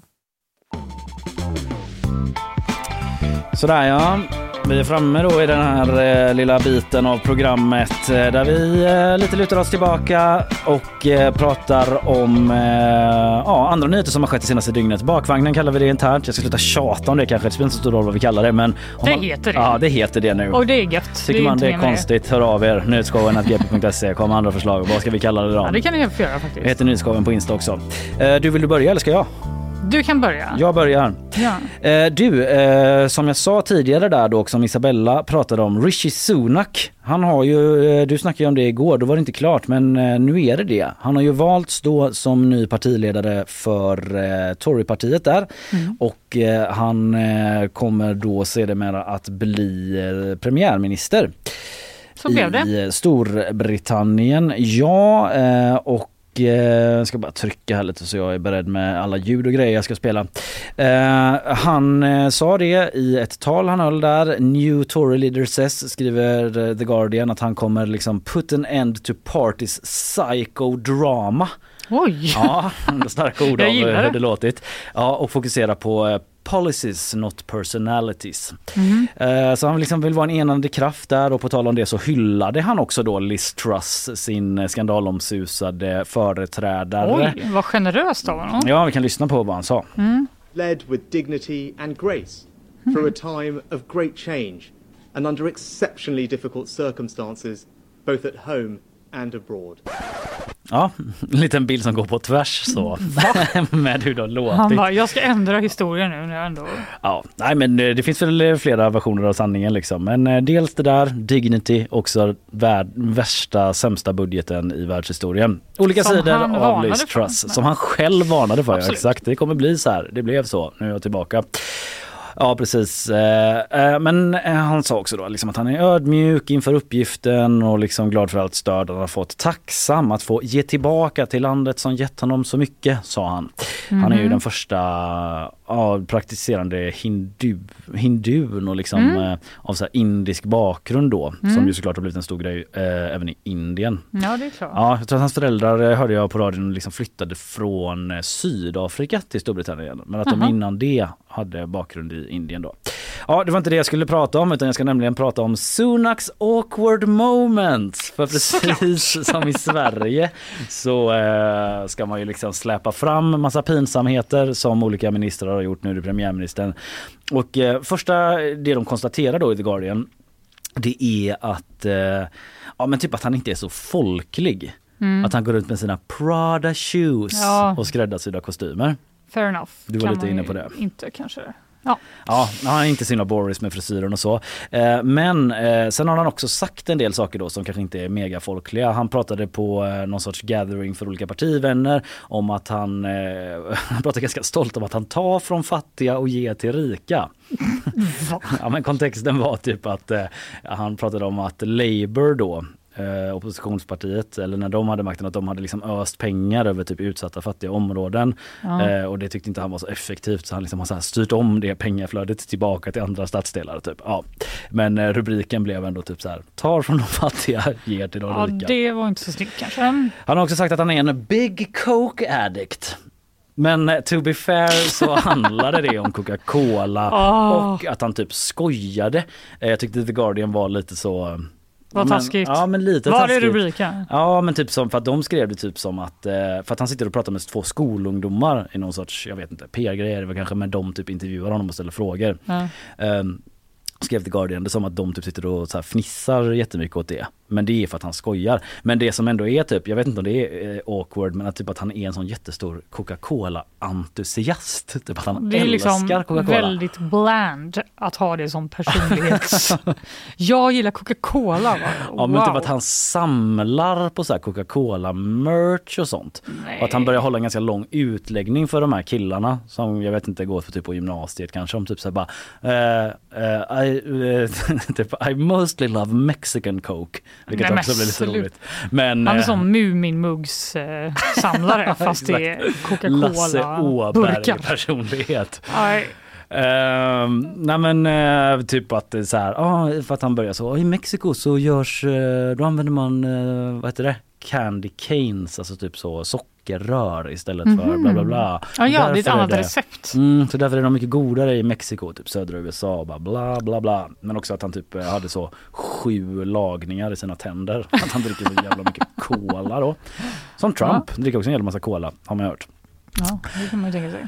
Eh, näst på Inte listan. från Mexiko dock. Men... Eh, nej kanske inte. Hon typ så klättrar över den här muren så bara. "Can I get-" Rivmuren, jag måste få den godaste I would like 50 cans of coke. Oj, Kalle! ja den är okej, det kanske vi får höra mer av någon annan gång den imitationen. Men eh, i alla fall en annan grej då att han eh, vid ett PR-tillfälle var ute och tanka sin bil då när han pratar om bensinpriser och grejer. Då visade det Mhm. sig sen att det var inte hans bil utan att han hade lånat av en kollega en sån lite rötnare bil. Nej. För att verka mer folklig. Jo, det stämmer. Och sen skulle han också då Gud, vad betala ja, inne på macken. Så skulle han betala eh, för någonting vid samma tillfälle. Och då är det typ när han tar fram sitt kort så så håller han upp det mot den här eh, streckkodsavläsaren. så bara, Va? ingenting händer. Han... Ja, så jävla typ out of touch framstår ju det som. Men gud vad pinsamt. Mm. Ja, det är sånt man själv eh, kanske inte har gjort i och för sig. Men ja, det Nej, var bara det är ju det som är poängen. Va? pinsam eh, kassörska historia. Vi kan använda vårt betalkort. Ja, han lyckades inte med det. Han har liksom även pratat och liksom rakt eh, ut om att han typ inte har, jag har inga arbetarklassvänner. Okej. Who does? Det är han som, Journalist jag har fått en fort, eh, fortkörningsböter. Han bara, jag känner ingen fattig. Exakt. Så ni behöver inte försöka gräva upp det. Det är lite Jag pinsamt erkänner. men jag är i alla fall ärlig med det. Ja det var i alla fall eh, hela pinsamma listan från The Guardian om eh, Ja, ganska Sunak. faktiskt.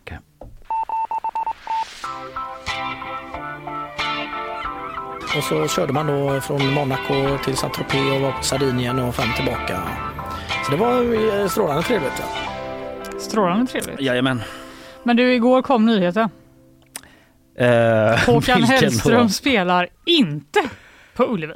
Ja just det, det är roligt att det är nyheten Det nu. är en sån skräll va? Ja, Han kommer helt enkelt inte hit. Han gjorde ju bara fyra spelningar ja. i sommar det med fanns ju en tid. 71 977 personer i publiken. Ja just det. Hur störigt att det inte blev 72? Ja, väldigt, väldigt nära. 977. Det är Det var- nästan så att han borde bara ryckt vem som helst där utanför. Och bara Ja eller hur. in Att de hade mitt i konserten när de har räknat också. Och de Ja. gått och fiska in någon sån. Det blev 72. Ja, ja men nu kommer han inte Han då. kommer inte hit. Nej. Han eh, ska dock åka på en turné Ja. i resten av Sverige. Okej. eh, Som eh, ska avslutas i Stockholm. Ja, men, På Stadion. ja. Vilken Men- svikare. Jag känner dock, jag känner dock så här, det kanske är bra att det är en liten paus. Jag eh, håller verkligen med. Ja du gör det. Men eh, jag tänker att det är ju inte 72 000 göteborgare som har fyllt Ullevi. Nej, Ändå det. to be fair. Men nu slipper de åka hit. Alla stockholmare. Grattis! Evenemangsstråket får en sån breather Mm. från eh, resten av Sverige. Men det är väl då typ, det kommer lite som Way Out West då när det kommer massa eh, stockholmare och vill ha den här fulla Göteborgsupplevelsen. Mm. Och Håkan har verkligen gett dem det också. Med så här damorkestern som förband med Per Andersson. Ja, alltså det blir ju inte mer eh, Göteborg. Undrar om han kommer köra någon sån dryg Stockholmskomiker som förband i Stockholm nu då. Vem då? Men dryg, men någon som man sa Messiah Hallberg. Oh my Typ God, som, som spelar nej. Brat och kör ett set där uppe. Men det, jag undrar ju Alltså lite dryg, om... han verkar väl trevlig. Han är men du fattar vad jag menar. Men han är inte så göteborgsk nej, i sin nej, han är väl aura. motsatsen till Per Andersson på något sätt. Det kan man ändå säga Ja. tycker jag. Men han kommer ändå lite hänga här i närheten. Han kommer att spela i Lysekil och i Halmstad. Det är ändå västkusts Mm. eh, datum. Jävlar vad fullsatt det kommer vara Ja. på småorter eller vad? Jag tänker det. Har han Men sagt något om vad det ska vara för sorts turné? Är det liksom lite så? Han har sagt så här. Jag kommer med kappsäcken full av soul, gnistrande ackord och blänkande dansskor. Det där är ett pressmeddelande antar jag. Ja. Det är en Alltså- ganska stel grej att säga i ett helt vanligt Vem? samtal. Han har ju inte gjort en intervju på typ tio år, men Nej. det här har han skriv, knåpat ihop. GP rapporterar. Där. GP rapporterar. Ja. Men jag vet inte, blir du sugen på den här kappsäcken full av soul, gnistrande ackord och blänkande dansskor? Typ, ja men ganska. Alltså så här, jag har varit på Håkan på Ullevi flera gånger, kanske tre gånger. Jag var inte nu senast för jag kände typ nu har jag gjort det. Ja, Så jag om hade nu, samma om jag. Ja du hade det. För om jag skulle se honom igen så hade jag ju hellre, det hade varit lite kul att se honom typ på en mindre. Lite mysigt att åka till Lysekil eller? Ja exakt, det kanske det måste ju bli en helt annan vibe då liksom Mm. och man kommer lite närmare. Jag vet inte vilken eh, Om det är på någon arena där typ? Eller så Alltså här. det är väl arenaturné men jag vet inte exakt vad han eh, kommer vara i. Jo, i Pinneviken. Okej, i det säger mig ju Det ingenting. låter ju mysigt. Pinneviksbadet lägger Karl till. Men annars är det Pite, aha, ja, Pite havsbad, Elmiafältet. Ja men du fattar. Ett lite mer intimt fält. Brunnsparken i Örebro. Ja okej. Ja, ja men det är lite så parkturné. Det är i alla fall mindre än uh, Ullevi. Ja. Ja. ja, vi får väl se. Det har inte kommit några news om han kommer släppa någon ny musik, men man kan ju anta att det blir ett album. Kolla nu när han har kommit upp sin tröja säkert också och försöker flexa sina muskler. Det här är den största röda flaggan ever. Du, Mm. Eh, är du eh, nästan sjukligt intresserad av vrak eller? Vet du att jag är så rädd för vrak? alltså jag tycker det är jätteobehagligt. Ja. Varför? Jag tycker det är obehagligt med saker som är djupt ner. Har du någonsin varit i ett vrak? Nej men jag har dykarcert. Va? Det är korrekt. För jag var, jag har också, oj nu drog jag ner min mick mitt uppe i all uppståndelse. Nej jag har inte vågat ta dykcert. Jag har haft möjligheten en gång när jag typ backpackade i Asien. Ja, det var då Som- jag gjorde det. Ja, de reste hela vår generation. typ. Ja. Jag har aldrig använt det efter det. Nej, men jag vågade inte göra det. För jag har också Skitläskigt. sån open water skräck liksom. Att det ska komma typ en val och svälja mig her. Biblical style typ. Eller något sånt där. Ja, men det känns också som en viss typ av människa som älskar vrak. Typ Estonia, sådana Estonia eh, heads och liksom. Ja. Som bara går igång på det där. Verkligen. Här är det ju en liten annan grej då. För det som har skett nu är att Museum of Rex har hittat systerskeppet till eh, skeppet Vasa. Ja! Alltså det eh, berömda skeppet Vasa som ju sjönk innan det ens hann segla iväg i princip och är på museum i Stockholm. Ett skepp vi känner till. Ett skepp vi känner vi till och då är det här nya då som man har hittat. Eh, Det kallas eh, för, eller det heter Äpplet. Gulligt. Ja, vi kan lyssna bara lite på hur det lät när eh, den här dykaren som hittade skeppet, eh, liksom hur det lät när han såg skeppet första gången. Tjena Äpplet! Kalla mig inte Äpplet. Jag heter Appelgren. Jag bara, va? Det är från Jönssonligan, men jag tyckte det var kul. Eh, det heter, han heter inte Appelgren utan han heter faktiskt Äpplet. Eh, och det här är en jättegrej. Eh, det blev trendade på Twitter igår. Det är en viktig stor dag för den svenska marinen säger marinchefen Eva Skog Hasslum i, till GP. Mm. Eh, och då är det så att de har undersökt ett sund då utanför Vaxholm i Stockholm eh, och då hittar man det här skeppet och vad jag förstår det då så har man liksom på förhand typ med väldigt gamla dokument typ letat sig fram till att okej här någonstans borde det vara och redan 2019 då så började man söka där nere eh, Mhm. och i projektet Den glömda flottan som det tydligen kallas. Och i Men det december... är ja. superduper duper djupt då. För att det har legat här i, i hundratals år. Ja, nu undrar jag eh, om det Nu står jag här någonstans. Nu satte här på men pottkanten, inte men eh, det står typ inte hur eh, djupt det var exakt. Men det, det har ju legat där i typ 400 år. Ja, det är ju så helt sjukt. det har väl sjunkit ner i bottenslammet en del antar jag. Eh, Förra året i december hittar man det i alla fall. Då säger eh, en riktig vrakälskare Jim Hansson här, marinarkeolog. Mm. Undervattnets Indiana Jones. Nej, men då eh, han säger att pulsen steg rätt rejält när vi såg hur likt vraket var Vasa. Ah. Undrar det var då först? Att de först var så här, här ligger en gammal båt, det är väl ingen grej. Ännu ett vrak. Men vänta lite, det var likt. Och det är ju äpple. Ja, det är ju för i helvete äpplet. Men de eh, fattade det, det var samma dimensioner och liksom så, men det kanske är det här systerskeppet då. Mhm. Och så liksom mm, bion på det här skeppet då liksom det ska ha ha huggits av samma virke då 1627 i Mälardalen eh, och eh, ungefär på samma plats då där man högg virket till Vasa så de är av samma skrot och korn eller trä. Mm. Eh, de här Mm. båtarna och eh, den till skillnad från skeppet Vasa då användes ändå ett tag. Eh, det var liksom ett av Sveriges två stora örlogsfartyg. Eh, det tänker man kanske att Sverige typ hade jättemånga båtar så, Ja, men det man hade snålt. två jättestora då. Eh, och det var Gustav II Adolf som eh, bestämde att man skulle bygga det. Och det var färdigt 1628 och sen sänktes det avsiktligt 1658 efter det dömts ut som för gammalt. Så det var inte som skeppet Vasa Nej, då? det var det man... som jag funderade på. Vi hade två sådana skepp och båda sjönk, men det var inte riktigt så då. Nej, En- utan de högla en ledsnare de på. Skiter i det där jävla äpplet Den här jävla äppelbåten nu. Nu blir det päron! Nej, men jag vet inte, de byggde väl nya man- båtar sen. Eh, Med Äpplet kan vi lägga ytterligare en viktig pusselbit i utvecklingen av svenskt skeppsbyggeri. Så har ni alla saknat den pusselbiten i det stora pusslet om svenskt skeppsbyggeri så eh, har ni den nu. Den största faran, och den, det är ju den som, det är de som tar min ensamhet ifrån mig. Det är det bristen på ensamhet som förtär mig. Se upp! Det är dags för solförmörkelse. Eh, Aldrig i livet. Förlåt men det var TTs rubrik. Ja, men det lät inte så genuint ändå så det var inte så att jag bara va? Vad är det som händer?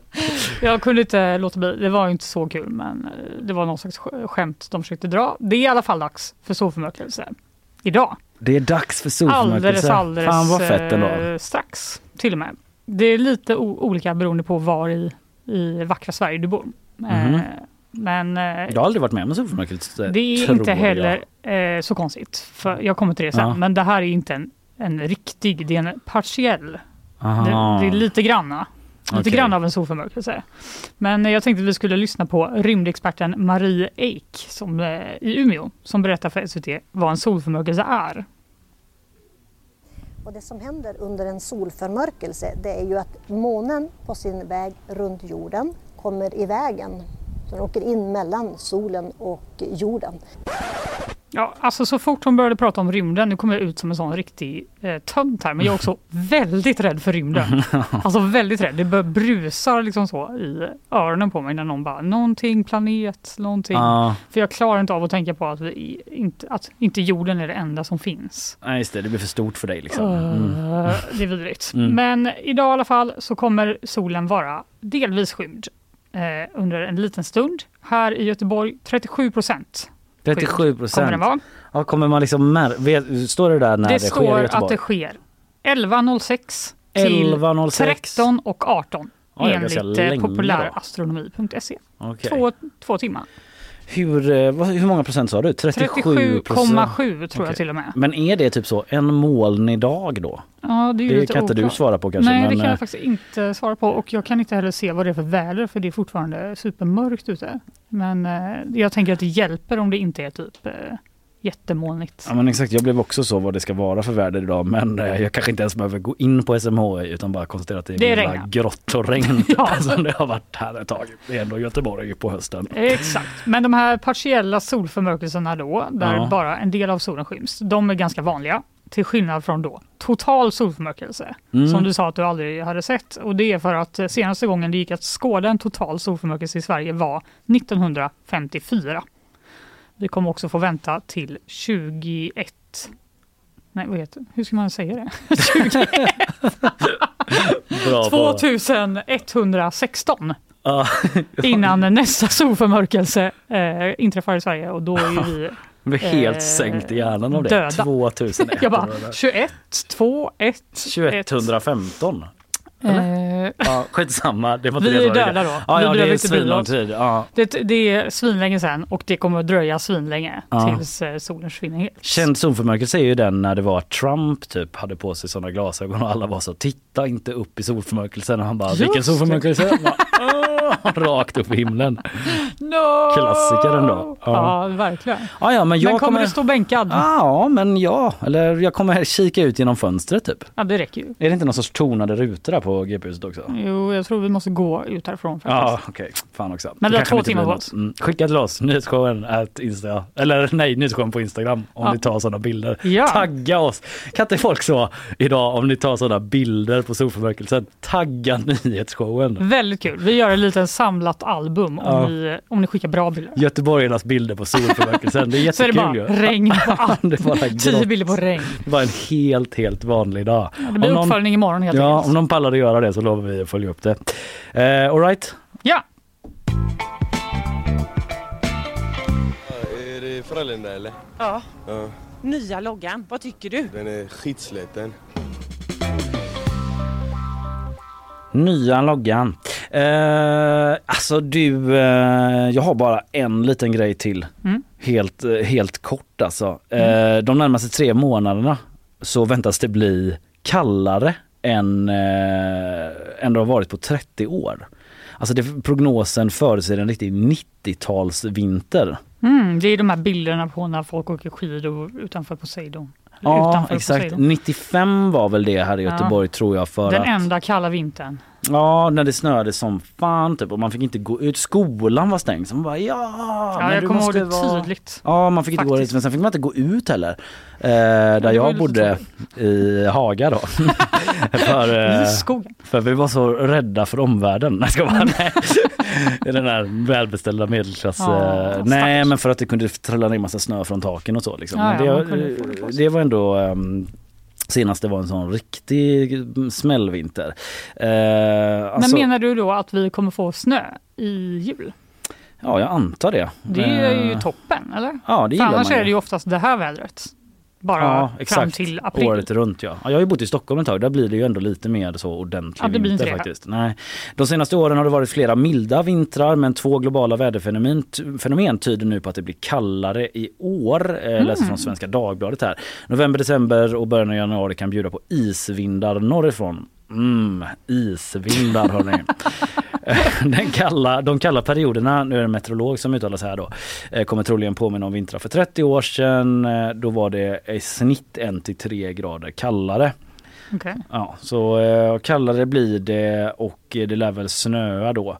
Eh, de här två väderfenomenen som det handlar om, eh, som ökar sannolikheten för detta, det är La Niña som eh, innebär tydligare kyligare, vin- eh, kyligare ytvatten än normalt i Stilla havet.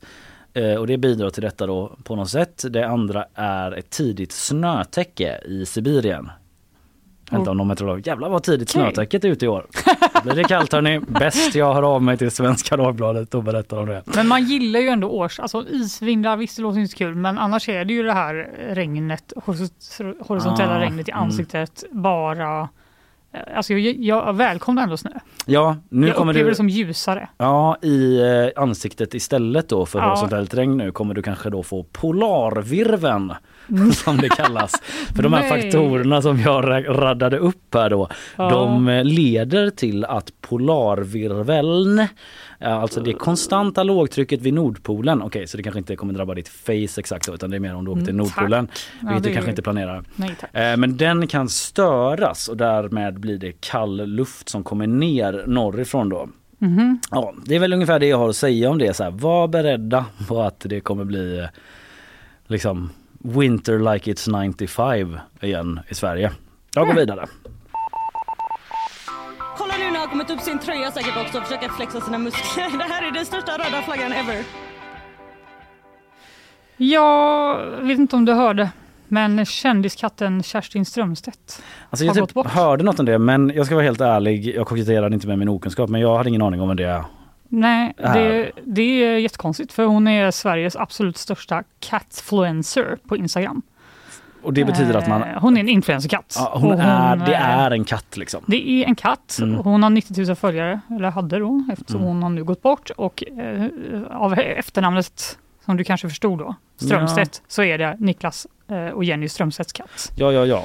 Kerstin. Kerstin. Eh, hon är också bokaktuell. Hon, eh, eh, nu i september kom boken Vid regnbågens slut finns en katt. Skriven av konstnären Lars Lerin, artisten Niklas Strömstedt och hans katt Kerstin. Okej. Blir du sugen på att läsa? Men jag blir lite trött bara. Kan, kan inte du fortsätta berätta lite mer om det? Typ Jo, då är det så att i två års tid så har Kerstin då tolkad av Niklas Strömstedt eh, agerat catfluencer på Instagram. Mm. Eh, och, Han skojar lite eh, Niklas, liksom, att han sa bara nu gör hon det här och Alltså faktiskt det är här. det så att vi här då på GP redan eh, 2020 tror vi vågar faktiskt säga att vi var först i Sverige med att intervjua katten Kerstin. eh, Var det du som gjorde det? det var Filip Mitrovic som Ja. då var, jobbade på kulturredaktionen. Mm. Han ringde helt enkelt upp Niklas Strömstedt för att fråga om då Kerstin som vars Instagramkonto växte lavinartat för den här tiden. Ja. Eh, och då beskrev eh, Niklas Strömstedt Kerstin som en ex, ex nej, Exceptionell, nej. En exceptionell katt. Nej, Ja. Men att hon gärna talar om vad hon tycker och tänker Ja. genom honom då.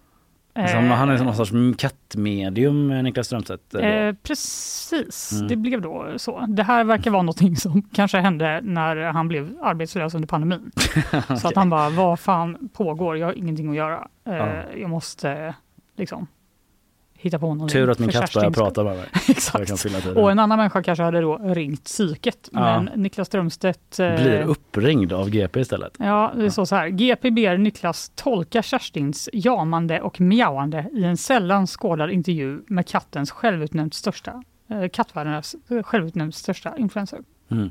Och då säger hon eh, till exempel att eh, jag är så klok och har så mycket jag vill dela med mig av till världen.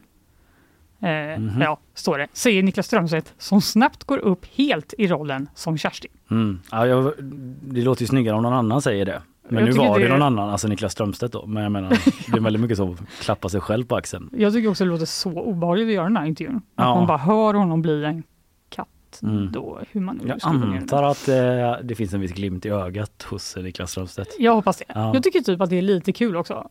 Eh, faktiskt. Ja, ja, det är Men, ju, eh, finns den här glimten i ögat så är det ganska kul. Ja, jag hoppas den hördes tydligt genom telefonen. Ja. Men nu är det så tråkigt då att den här katten har gått bort. Tio år blev hon. Ja. Det är ju inte supergammalt för en katt, men eh, de, eh, Jenny och Niklas skriver på Instagram att ikväll får hon till katthimlen, älskar Kerstin, vi kommer sakna henne oändligt mycket. Mm. Hennes nyfikenhet, kloka blick som hade svaren på det mesta. Hennes krokiga morrhår, hennes lilla tunna med mycket uppfordrande jamanden. Och efter det här dödsbeskedet så rasade det in eh, kändisvänner som beklagade sorgen. Charlotte Perrelli, ja. Anders Fyhrblad, mm. Marika Karlsson, Agneta Sjödin, Eva Röse. Ja. Alla i sorg över Kerstin. En berörande historia om katten Kerstin. RIP katten Kerstin Strömstedt. Eh, vi avslutar lite on a sad note idag då, men ja, känner tillförsikt inför morgondagen och Vad händer då? blickar mot den. Ja du, vi kommer få gäst Janne Höglund är GPs eh, utrikespolitiska kommentator som mm. ger oss analyser i tidningarna. Han kommer hit. Eh, vi kommer prata om saker som sker i omvärlden. Vi håller lite på det, vad det exakt det blir. Och så kommer Ina. Då kommer ju Ina ja, för nu ja. har vi kört i två dagar. Då ja. kommer Ina Lundström och löser av dig eh, som programledare här får kolla vad hon har haft för sig det senaste. Ja, det vill man ju veta. Hon kommer ju snacka nyheter precis som vi andra men eh, ja. man kan ju fråga ändå. Frågesportat säger. Men man kan väl ändå fråga. Hur mår. Det är väl trevligt. Ja, ja, du heter Fanny Wik, jag heter Kalle Berg, Carl Jansson heter vår producent, Isabella Persson på nyheter, Emelie Hagbard på basfiol och flöjt och eh, vi tackar för idag.